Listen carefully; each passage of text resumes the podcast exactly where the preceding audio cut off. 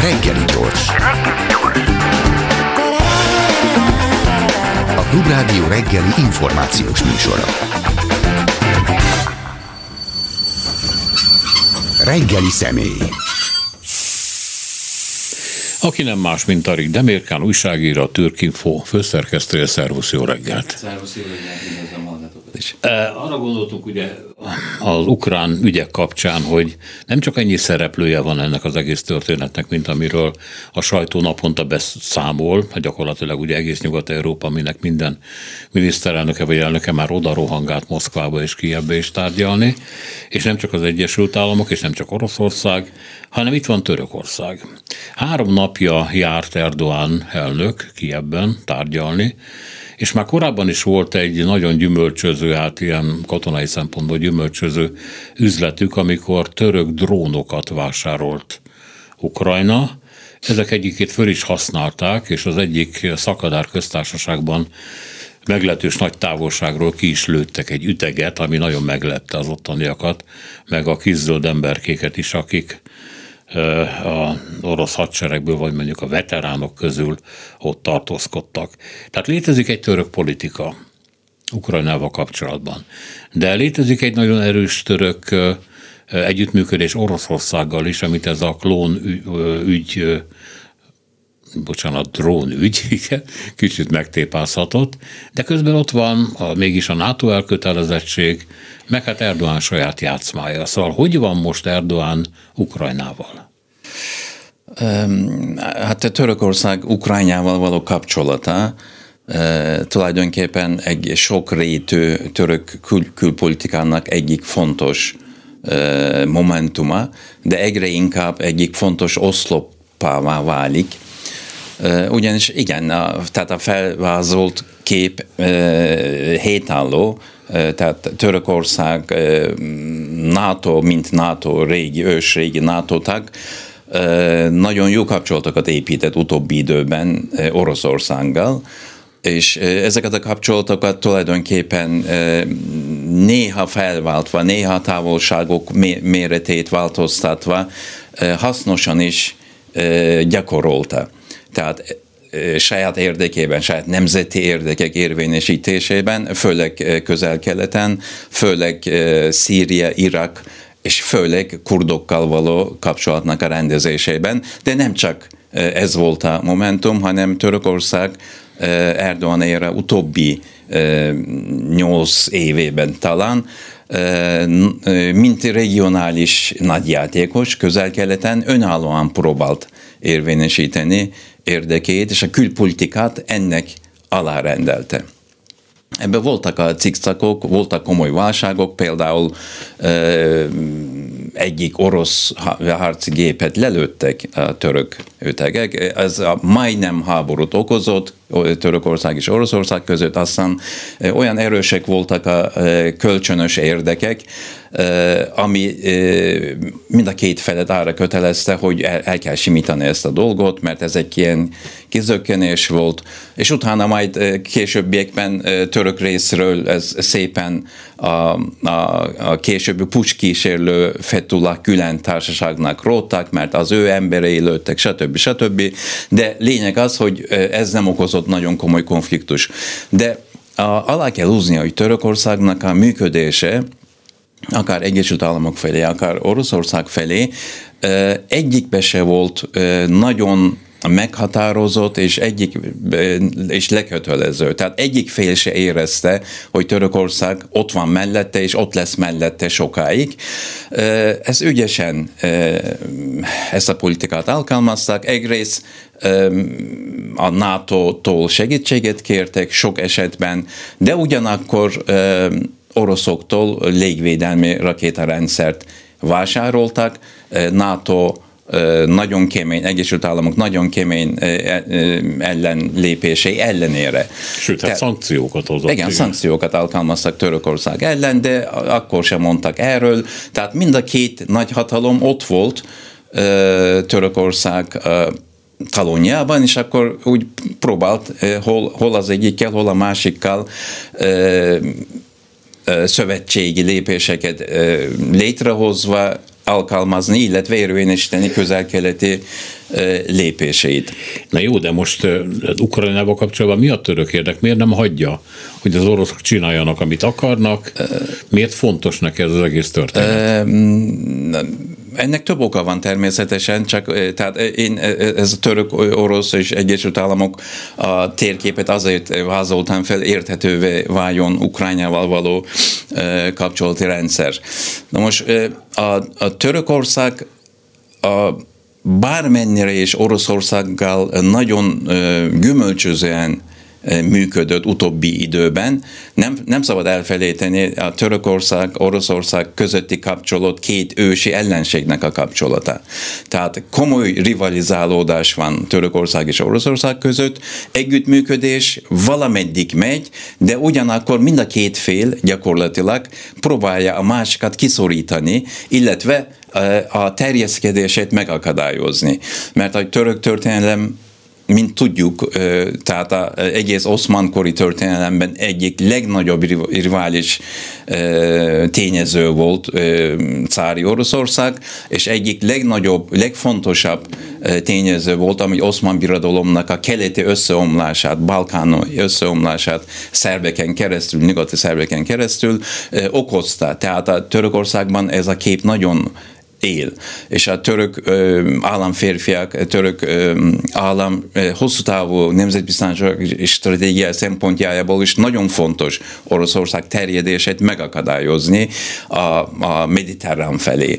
Tehát ennek komoly a mérője volt ukrajn, ukrajnai helyzet. Tehát Ukrajnával szemben, Oroszország ukrajnai terjeszkedésével szemben Törökország uh, nagyon tisztán állásfoglalt a krimi félsziget orosz megszállásában, nem fogadta el, és mondta, hogy nem ismeri, azért is, mert hogy Krimben élek török kisebbség évszázadok óta. Ez a tatár? Igen, krimi uh-huh. tatár kisebbség jogainak a védelmét Oszmán Birodalom is annak idején jelenleg Törökország is, mint ahogy Erdogan politikájában a oszmán hagyományok felvirágoztatása valamilyen szintig egyik szintén elemi momentum. Tehát a Oroszországgal bármennyire együttműködött, másfelől Ukrajna függetlenségét, Ukrajna nemzetbiztonságát, Ukrajna területi integritásának a megtartását, fenntartását Törökország szorgalmazta, és kifogásait nemzetközi politikában is nyilvánosságra hozta Oroszország ellen. Na most ez az egyik oldala. A másik oldala pedig az, ez a drón történet, ennek megértéséhez szerintem azt ezt a tényt, a következő tényt kell megérteni, hogy Törökország utóbbi 7-8 év alatt szintén a, a, a harci fegyveres rakétarendszer, tehát a rakétákkal rendelkező a drónok termelésében nagyon-nagyon nagy utat tett. Már harmadik világhatalomként említik Törökország drón területen, területen való eredményeit. Ez ami azért fontos, mert ez egy teljesen hogy mondjam, a, a, a, teljesen felborítja a konvencionális harci rendszert. Tehát már elveszítik értelmét szintén a, a, a, a tankok, a légvédelmi rendszerek, a konvencionális hadseregeknek a, a, a, a helyezkedése területen, mert egy drón távolról irányítva nagyon precízen meg tud semmisíteni célokat tehát nagyon hatékony e, eszköz. Na most Törökország utóbbi években ráadásul Erdoğannak a veje gyártja ezeket a rendszereket, fejlesztettek, több változat van, és Törökországnak talán előnye az volt, ezeket a drónokat nem csak elméletileg gyártottak, hanem gyakorlatban is tudtak alkalmazni, tehát kipróbálni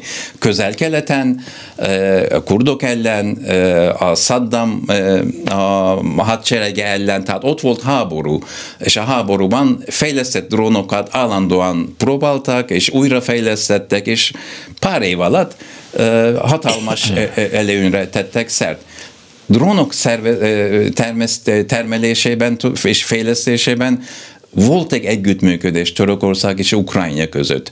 A drónok, bizonyos drónoknak a motorjait, azoknak a, a drón, a, tehát a repülő szerkezeteknek a motorjait Ukrajna segítségével kaptak és akkor Ukrajna is részesült a drónokból, és ezt az együttműködést már előtte is mondták, legutolsó a kievi látogatáson is szóba került, tehát együttműködés nem csak drónok Ukrajna által vásárlás, felvásárlásában zajlik majd, hanem termelésben is, tehát együtt fognak termelni, ennek a részleteit meg nem tudjuk.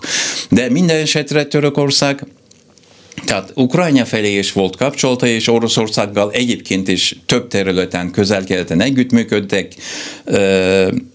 A, ennek kapcsán volt esélye Törökországnak, Erdoğannak, hogy mint békéltető lépjen föl, tehát Törökországba hívta orosz meg a e, ukrán vezetőket, tehát béketárgyalások ott történjenek. Ez Oroszország nem fogadta végül is, de volt egy idő, amikor úgy tűnt, hogy esetleg elfogadja, és Törökország ezt gyakorlatilag arra próbált használni Erdoğan, hogy a külpolitikai konfliktusait valahogy sikerre változtatva, akár belpolitikai nehézségeit is kicsit elfelejtessen.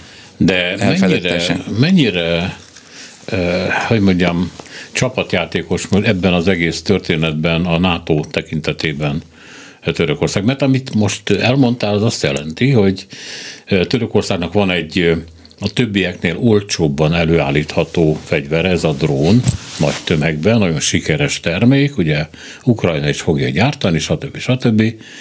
De itt Törökország a saját nevében lép föl, és nem mint egy NATO ország. És az elmúlt években azért voltak ilyen nagyon különös dolgok, ezt 2014-ben, amikor a NATO hajókat nem engedte át a, a Dardanellákon, viszont orosz katonai hajókat, tehát hadihajókat meg átengedett a, a Fekete-tengerről kiindulva, ami azért fura, mert ez egyik egy természetes szövetséges, amit mondtad, 50-es évek óta oda tartoznak, Oroszország mindig egy rivális volt. A Dardanellák és a Boszporuszi csatorn szorosok működését Montreux szerződés szabályozó tulajdonképpen. Tehát Törökország ragaszkodik ahhoz, ahhoz a pontokhoz, amely szabályozza, melyik hadihajók milyen mértékben, milyen számban közlekedhetnek ezeket a csatornákon. Törökországnak több szerepe ebben nincsen. Tehát ha nem kedvez NATO a hajóknak, hadi, hadi ennek oka ez. Tehát bizonyos mértéken túl nem mehetnek a Montreux szerződés a megsértése nélkül. A, visszatérve arra, hogy milyen, milyen mértékben NATO egységként működik, NATO tagként működik, hát Törökország NATO-nak egyik legnagyobb hadsereggel rendelkező országa. Tehát a, a Egyesült Államok után legnagyobb hadserege Törökország van, Törökországnak van nato belül. Tehát a, a Törökország működése gyakorlatilag NATO-nak a működése, és a, a két ország közötti, mármint a Ukrajna és Oroszország közötti konfliktus e, csökken, és ebben a konfliktusban Törökország nagyobb rész nem Oroszország akaratát érvényesíti, hanem akarata ellenébe tesz lépéseket, ez objektív a NATO-nak a érdeke. De ugyanakkor ott vannak természetesen Törökország és Egyesült Államok közötti konfliktusnak a forrásai, amit mondjuk mm, próbálnak elsimítani, de ott vannak, hiszen például harci, amerikai legmodernebb harci gépek F-35-ösöknek a termelése. Tör- Törökország ebben részt vett, pénzügyileg és technológiailag és gyártásban is része volt, de orosz légvédelmi rakéták vásárlása után felfüggesztett vettek török ö, részvételt, és azokat a gépeket se adtak át, amelyeket Törökország már fizette Egyesült Államoknak. Például a következő lépés az lehet, tehát Törökország azt próbál szorgalmazni, hogy legalább ezeket a gépeket meg akarja kapni. Tehát a, a alkudozások meg szerintem a, a szinterek mögött jelenleg is zajlanak, tehát Törökország ezekkel a lépésekkel tulajdonképpen integet NATO-nak, hogy ott vagyok, veletek vagyok, együtt vagyunk, benne vagyok, de nekem kéréseim vannak, nekem követeléseim vannak NATO felé, például ezek, ezek a gépek. Ez az oroszokkal való kapcsolat, mert ugye fegyverrendszerek eladásáról van szó, ugye mondtad is, hogy hogy rakételhárító rendszereket vettek az oroszoktól. Szerintem korábban az izraeliektől szerették volna megvenni, de Izrael nem nagyon szeret szállítani olyan konfliktusokba, ahol ezeknek a használatát nem tudja érvényesíteni, illetve most éppen Ukrajnától tagadta meg ugye a vaskupola szállítását, hogy az oroszok ne haragudjanak meg Tel Avivra túlságosan. Szóval feltételezhető-e, hogy ebben a nagy fegyvercsereberében az oroszokkal a NATO arra gyanakodhat mondjuk, hogy egy F-35-ös hát hogy milyen teljes fegyverzetét, meg elektronikáját mondjuk orosz szakértők átnézhetik. Üm, igen, lehet ebbe, ebbe valami, de tehát a, ez végig nem lehet húzni, halasztani. Tehát a Törökországnak a ide-oda játéka és Egyesült Államoknak a szemben alkalmazott stratégiája, ezt nem lehet végigfokozni, tehát vagy benne lesz, vagy, vagy kívül lesz. Tehát megvette valóban azt a rendszer Törökország Egyesült Oroszországtól, de előtte patriota légvédelmi rakétákat próbált vásárolni Egyesült Államoktól, ezt megtagadták. Azért, mert hogy ha e, ezt a rendszert alkalmazza, esetleg kurdok ellen is használhatja ezeket a rakétákat. Erre hivatkozva nem adtak Törökországnak, bár pár rakéta rendszert telepítettek török határ mentén, de ezeknek a, a működését nem adtak át török hadseregnek, hanem inkább NATO egységek és a külföldi egységek próbálták működésbe hozni, ha Törökországot támadás éri. Tehát a Törökországnak a, a kifogása jogos volt, tehát a légvédelmi rendszer szeretne vásárolni, patriotakat nem adtak Törökország, Kínából próbált vásárolni, az az, az üzlet se jött össze, akkor egyes Oroszország felé fordult, és meg is vette uh-huh. ezt a rakétarendszert. Na most a F-35-ös repülőgép, igen, ez benne van a játékban. Tehát ha Törökország alkalmazza, és lehet, hogy elveszíti egy gépét, amit az oroszok majd megkaparintanak és megnézik. De hasonló volt, most újságokból emlékszem, pár hete a, a távol-keleten gyakorlat közben elvesztette Egyesült Államok egy gépét, és akkor általában Oroszország is rámozdult.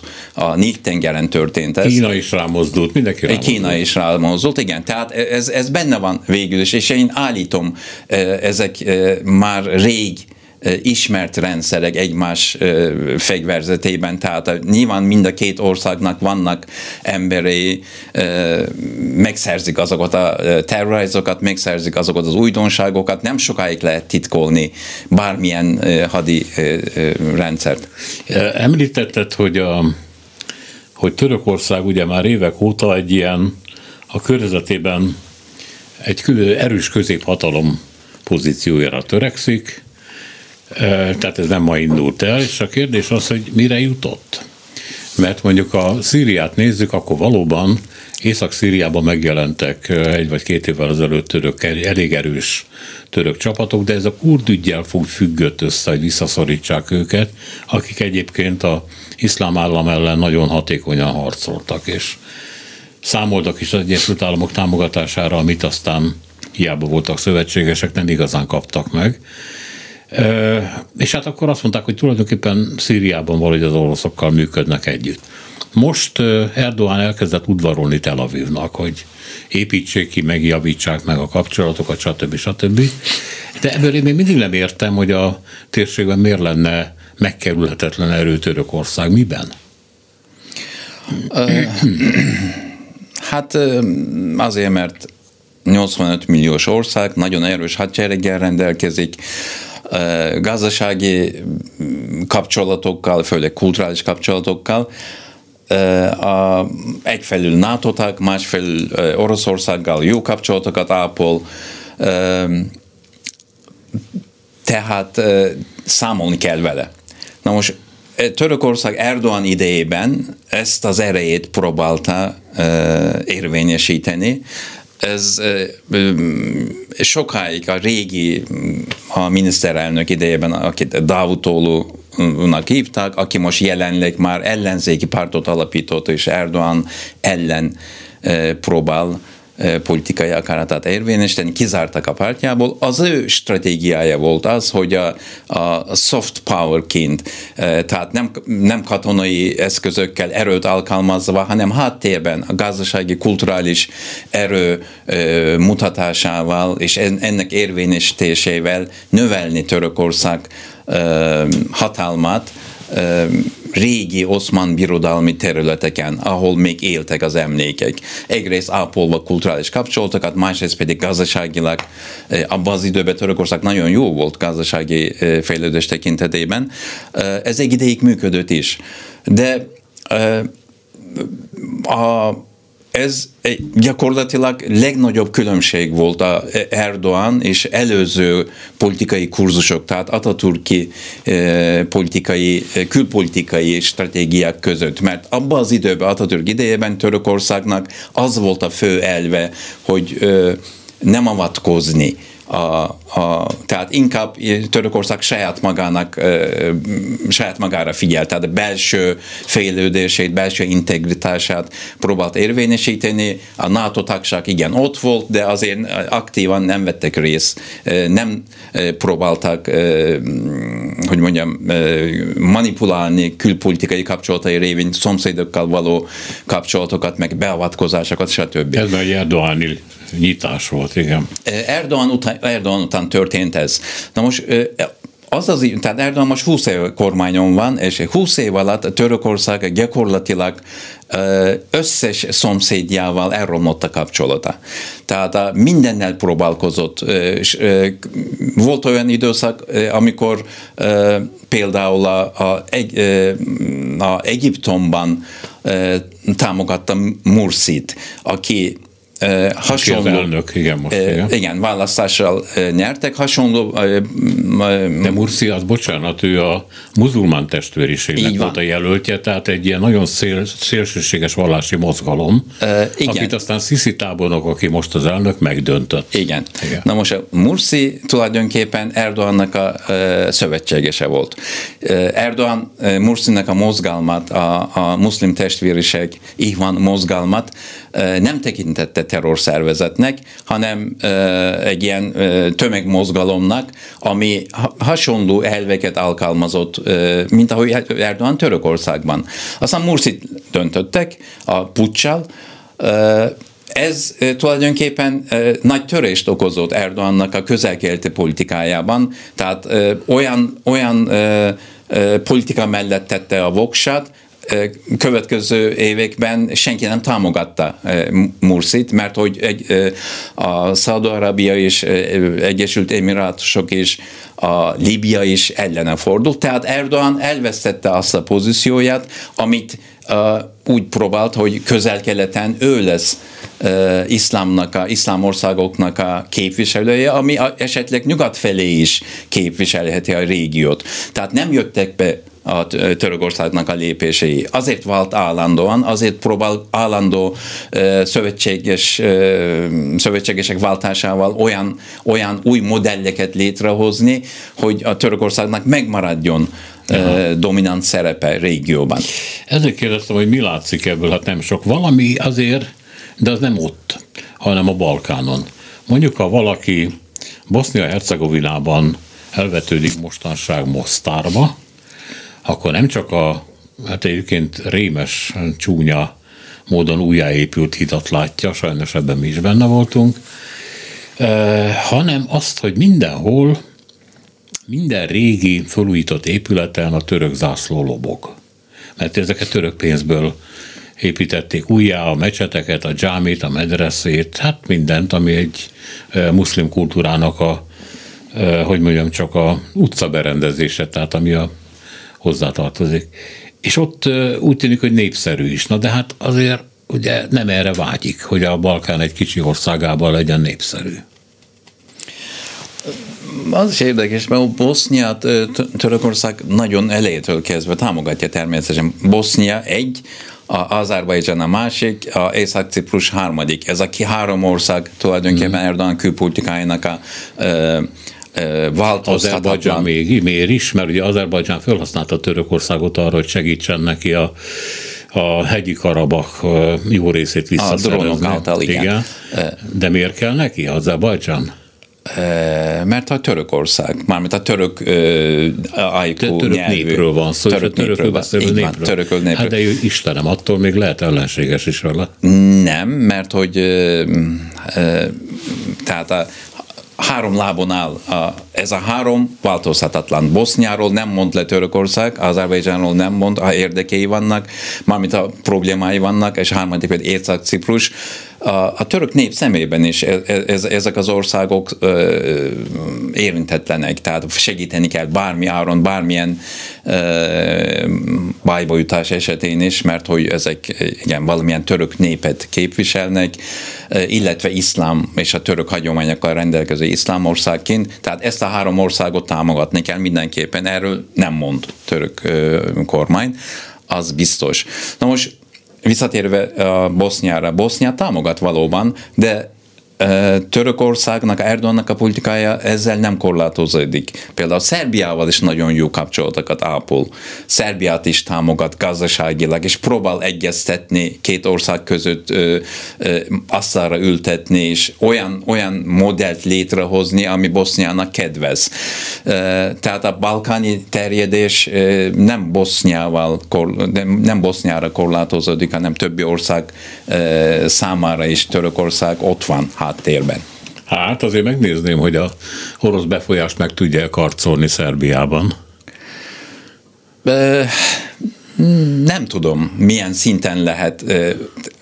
Akkor lehet gond Szerbiával való kapcsolata, hogyha Törökország Oroszországgal nagyon szembe kerül. Tehát egyfelől Oroszországgal is jól működik. Sok tekintetben Oroszország olyan ország olyan országként tekint Törökországra, aki ö, akit akár NATO-ból is el lehet szakítani, függetlenné lehet tenni, valamilyen, ö, valamilyen szempont szerint ö, konfliktusokat gerjeszt, gerjesztheti Törökországban, Putyin szemében Törökország és Nyugat között. Tehát egyelőre jelenleg olyan stádiumban van Oroszország és Törökország viszonya, ami ugyan kicsit rosszabb, mint mondjuk tavalyi vagy tavaly előtti viszonyokhoz képest, de még mindig két ország bármikor egymás nyakára borulhat, és komoly kapcsolatokat építhet, hogyha Törökország Egyesült Államokkal vagy Nyugattal szembe kerül. Értem. Itt van egy másik hír. Ez párnapos szintén. Törökország fölajánlotta, hogy segít Európa gázellátásában.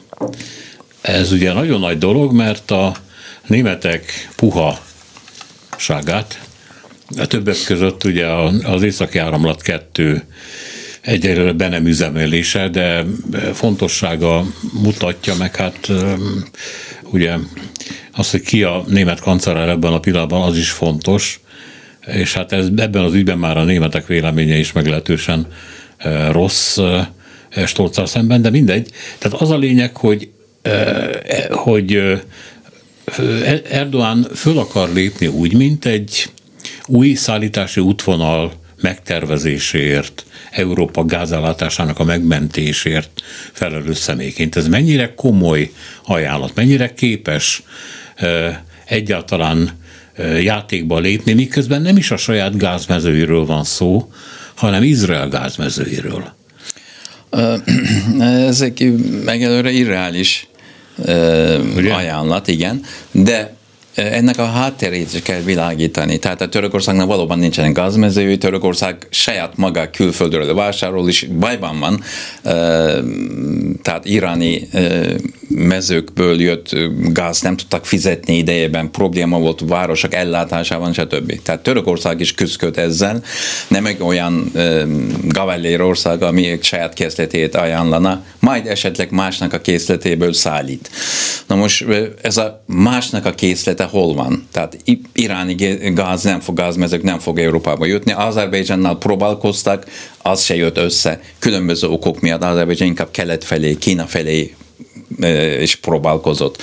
Na most a harmadik, ami szóba került, izraeli gázmezők, na most ez tulajdonképpen a Izrael, tehát kelet-mediterráni medencében talált hatalmas gázmezők, elmúlt 8-10 év alatt fejlesztettek, találtak, és ez egy hatalmas projekt volt, ami tulajdonképpen a Izrael, benne volt Izrael, Egyipton, a Görögország, a Ciprus, Olaszország és Franciaország is benne volt, és Egyesült Államok mint garantor ország ott háttérben a szerződésben részt vett, és Egyesült Államokbeli olajcégek segítségével épült volna egy olyan hatalmas csőrendszer, ami ezt a gáz majd Európába juttatja. Uh-huh. Na most Törökország minden eszközzel ezt próbált keresztbe húzni,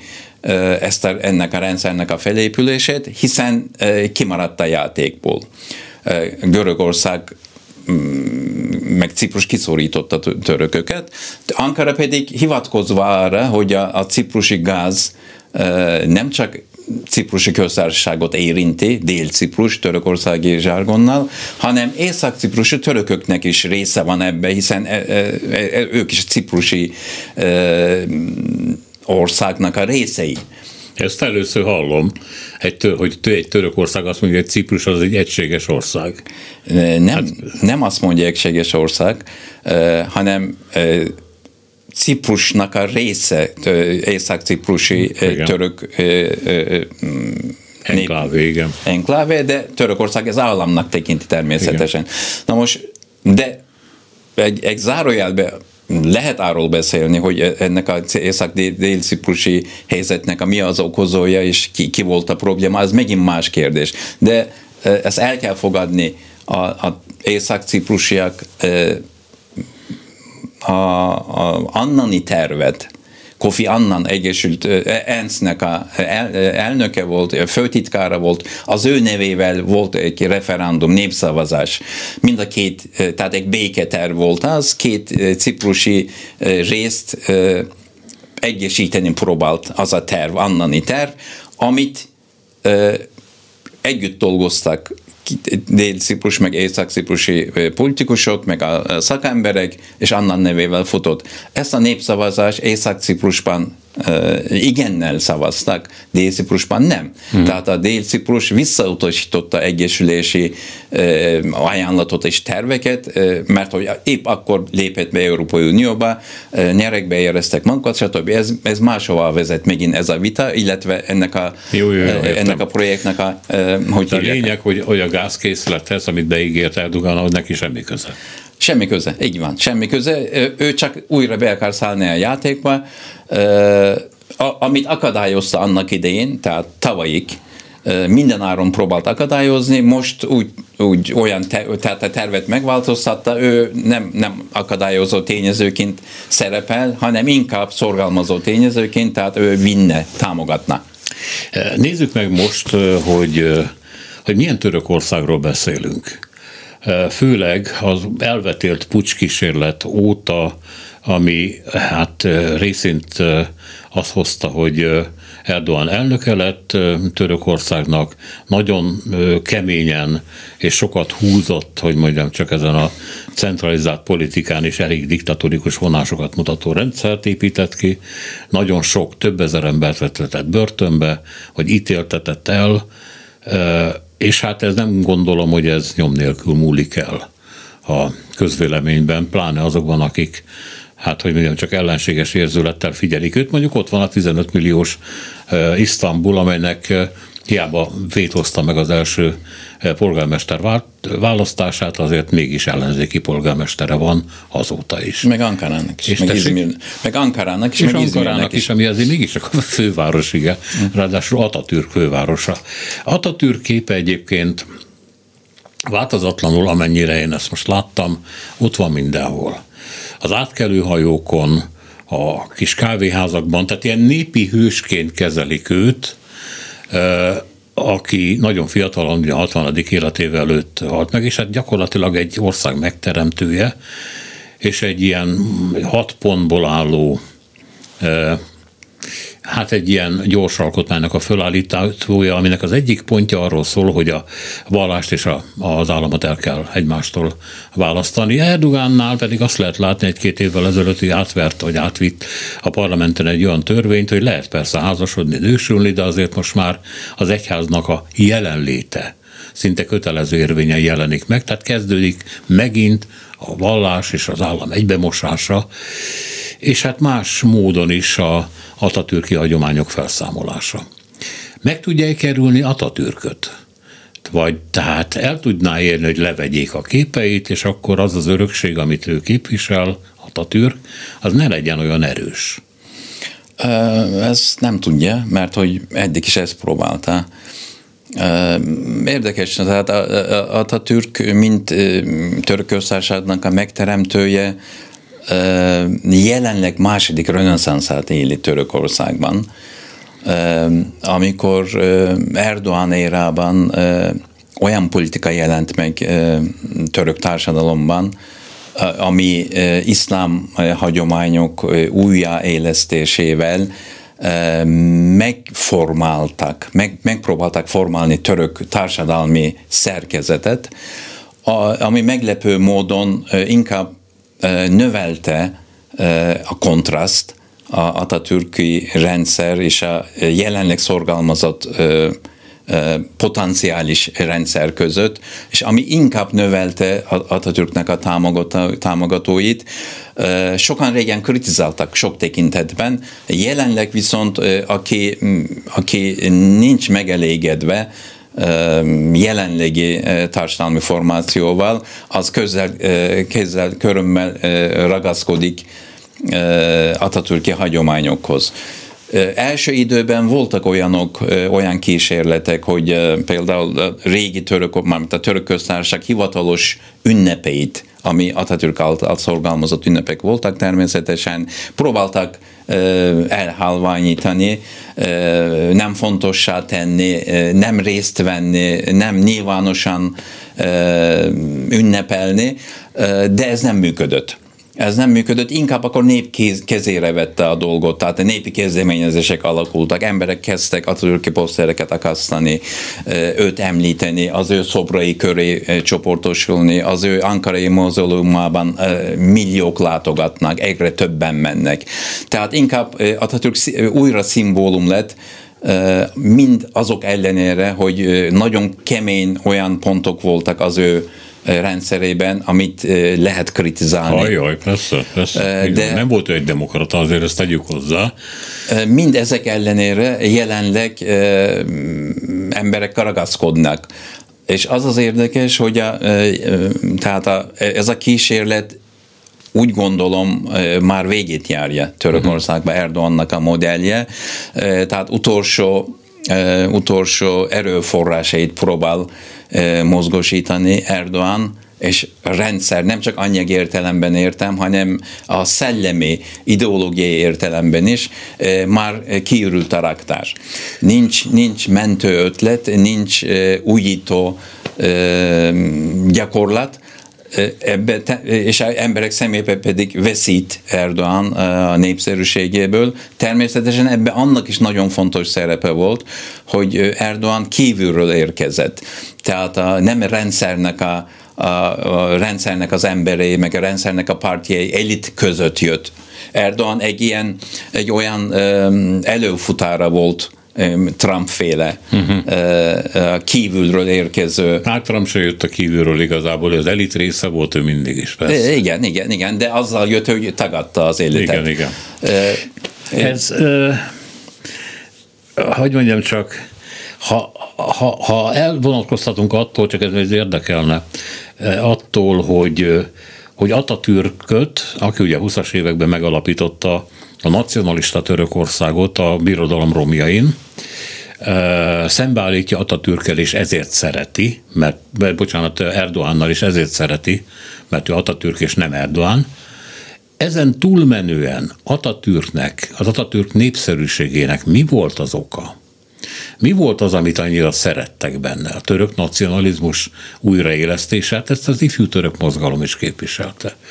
Hogy az, hogy Törökország egy országként valahogy föltámad. Hát igen, a első világháború után ez mindenképpen megtörtént volna. Vagy azt, hogy lecserélte az írást, az arab írást latinra? Vagy hogy a férfiakra kalapot adott fesz helyet? Ennek örülnek annyira utólag is? Miért szeretik őt? Nem, inkább ezek, ezek a formális dolgok inkább veszítette Atatürk népszerűségéből az ő modelljének a negatív oldalait Aha. hozta nép szemében. Inkább az, hogy a, a romokból, ami birodalomból, birodalomból maradt volna, abból nem jött volna egy független Törökország, illetve Anatóliának a egyik tartományában megmaradt volna esetleg, de az, az már nem ország, nem független ország. Tehát a, a nép szemében Atatürk országnak a megmentője volt. Tehát mint katonai nép, vezető is. Mint katonai vezető. Tehát a, mint a első világháború után, amikor a törökök fellázadtak a, a szer béke, béke ellen, amit a Magyar, Magyarország, Magyarország nem sikerült Trianon ellen, Törökországnak sikerült. Tehát a Törökország legalább törökök lakta a negednek az integritását és a függetlenségét Atatürknek a szervezésével és a harci képességével és azzal, hogy feltámasztotta ismét egy reményt vesztett népet, hogy lehet itt még keresni valónk, ezzel, ezzel nyerte a népnek Aha. a múlhatatlan szeretetét talán, hogy függetlenek maradtak törökök, meg élhet egy Értem. olyan nép az országban. Hogy fez helyett a, a sapka, meg a kalap, meg a, a latin betűk, meg ilyenek inkább, inkább negatív oldalai voltak népszemében, tehát inkább tűrtek, és erővel alkalmazta ez Atatürk, de ez, ez egy tudatos társadalomformálás volt, hiszen mindennel akart szakítani, ami Oszmán birodalomhoz kötött. Írás is ilyen volt.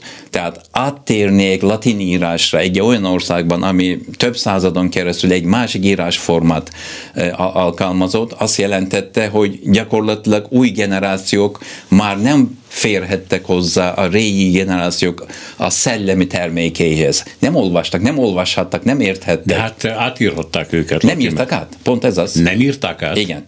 De miért nem? Hát mert hogy új hagyomány, új állam, új, uh, új ország, hát új kultúra teremtés. Nagyon, igen, igen. kárdalvágás volt, ez egy nagyon komoly szakítás. De akkor is egy zseniális vezető, aki, aki azt mondta, hogy ebben a keletiségben, ebben csak elpusztulni lehet, és egy irány van. És ebben neki akkor is igaza lehet, hogyha a nyugatban való csalódás persze permanens ebben a térségben, és nem is lehet más, mert mindenkinek a saját nyugatját kell magában megtalálni. Ez van. Bocsánat, most valami ott mondtam. Nem, nem, nem, ez teljesen, teljesen. Na jó, szóval teljesen szóval maradjunk abban, hogy még egy pár, pár szót beszéljünk arról, amit említettél, hogy szellemileg kimerülőben van Erdogan rezsimje. Hát gazdaságilag is, mert a legutóbbi időkben, amikor sorra rugdossa ki a pénzügyi szakembereit, mondjuk a Török Nemzeti Bank elnökét, és maga állítja be a lira árfolyamát, ami elég hátborzongató ötletnek bizonyult, és rögtön zuhanó repülésbe is kezdett a török pénz, ez azóta is tart, ha jól tudom. Ez, ez egy ilyen kétségbeesett kapkodás volt, hogy valahogy helyre hozza a gazdaság ügyeit. De nem látni, hogy ez sikerült volna. igen, most mondjuk annak a valutavesztés rémálomnak, tehát a török nemzeti valutának értékvesztésének ez egy rémálom volt elmúlt hónapokban, az mondjuk megállt.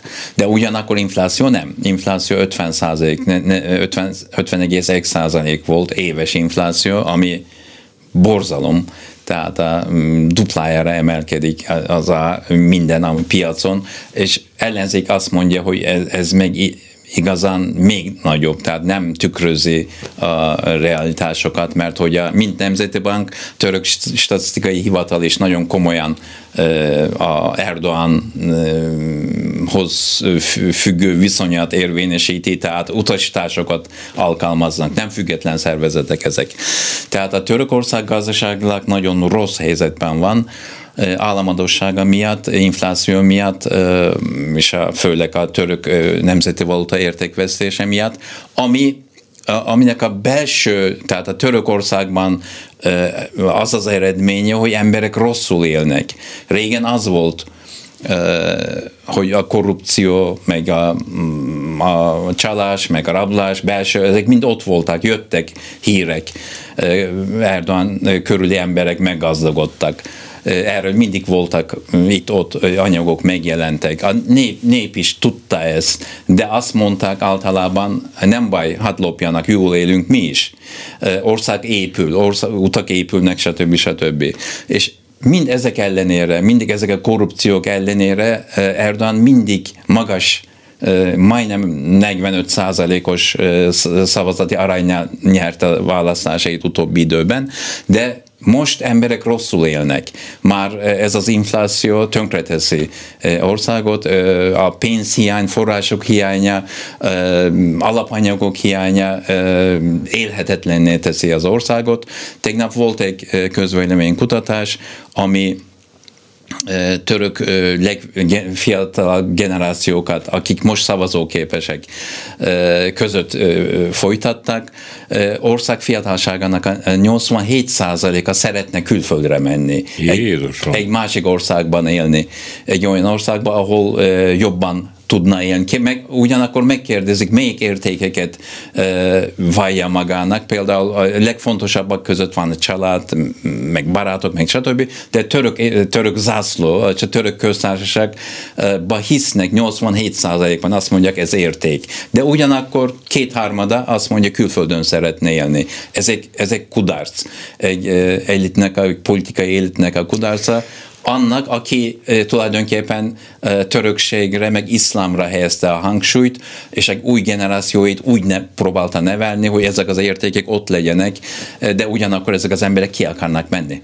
Az iszlámra, vallás értékeire hivatkoznak ebben a fölmérésben, hogy az értéke?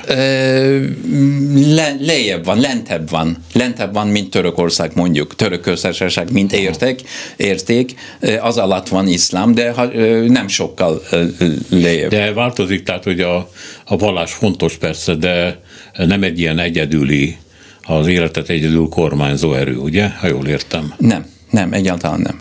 Egyáltalán nem. Igen, ez látható is. Na jó, akkor már csak egy dolog van hátra, hogy ha mindez így van, hogyha a rendszer hanyatlik, hát ez eltarthat időtlen időkig, ha nincs olyan potenciális kihívó, aki azt mondja, hogy na jó, akkor kedves Erdoğan elvtárs, itt a történet vége. Látszik-e ilyen erő? Látszik-e ilyen személyiség? Látszik-e ilyen program? Program, na most kezdünk onnan személyiség, nem, nem látszik. Erő, igen, az látszik. A program is formálódik. 2023. júniusában lesznek a választások Törökországban. Erdoğan ellen hat pártnak együttműködése már magas utolsó részleteket már tisztázzák. Eddig három párt együttműködött, a Szociáldemokrata párt és egyik nemzeti párt, amely, amely Erdogan szövetségeseiből kilépett párt volt, már 15 százalék körül van a támogatottsága. A Szociáldemokrata pártnak 25 százalék, tehát ez a két pártnak a együttműködése 40 százalékot teszi. A Erdogan és a, a a nemzeti pártnak, nemzeti mozgalompártnak együttműködése is 40 körül van együtt. Uh-huh. De a, a megmaradt rész, az a 10 százalék a, a kurdok pártja, és van egy 4-5 százalékos függő, tehát ide-oda mozgó pártok. Tehát a, a a valószínűleg, több mint valószínű, bár egy év van meg, sok minden történhet Törökországban, Erdogan társaságban mindig voltak olyan csoda módszerek, amit választási idő kampány alatt elő tudott húzni, de most úgy tűnik, hogy nem, tehát vége van a játéknak, úgy tűnik. A, tehát a jövő 2023. júniusban választások lesznek, és több mint valószínű Erdogan elközön.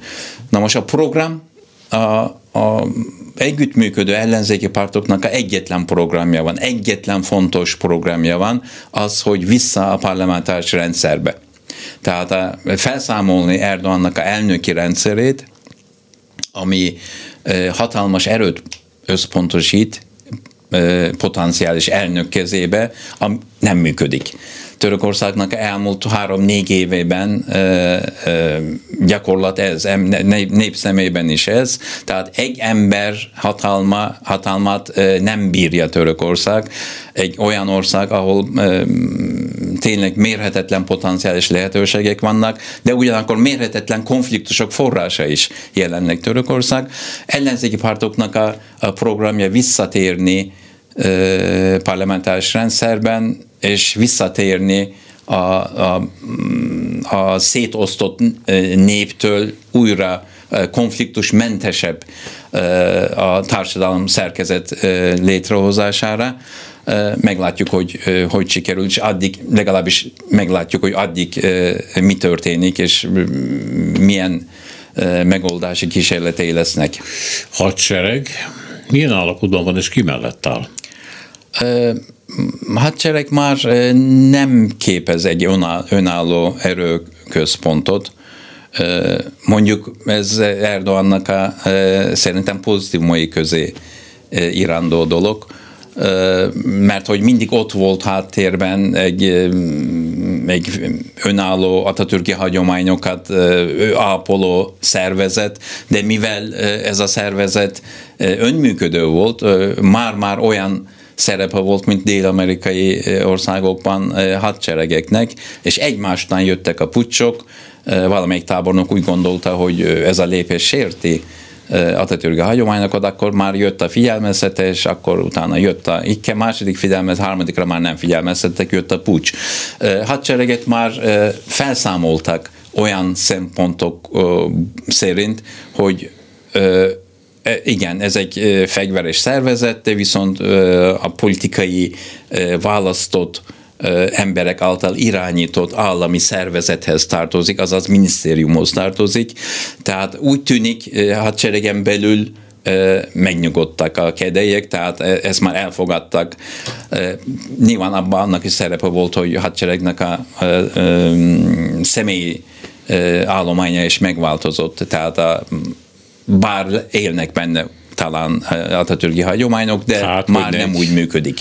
Egy tábornokban hogy ne élne az a e, hagyomány. De, de jó volt, amikor még 1980-ban megpucsoltuk a miniszterelnököt. Szép volt, jó volt, hát sajnos már nem lehet annyira, hát igen, kétség kívül. Erdogan, mintha úgy, úgy tűnik annak alapján, amit mondtál, hogy ilyen végzetes sebeket nem ejtett azért Törökországon, tehát van visszaút az ő rendszeréből.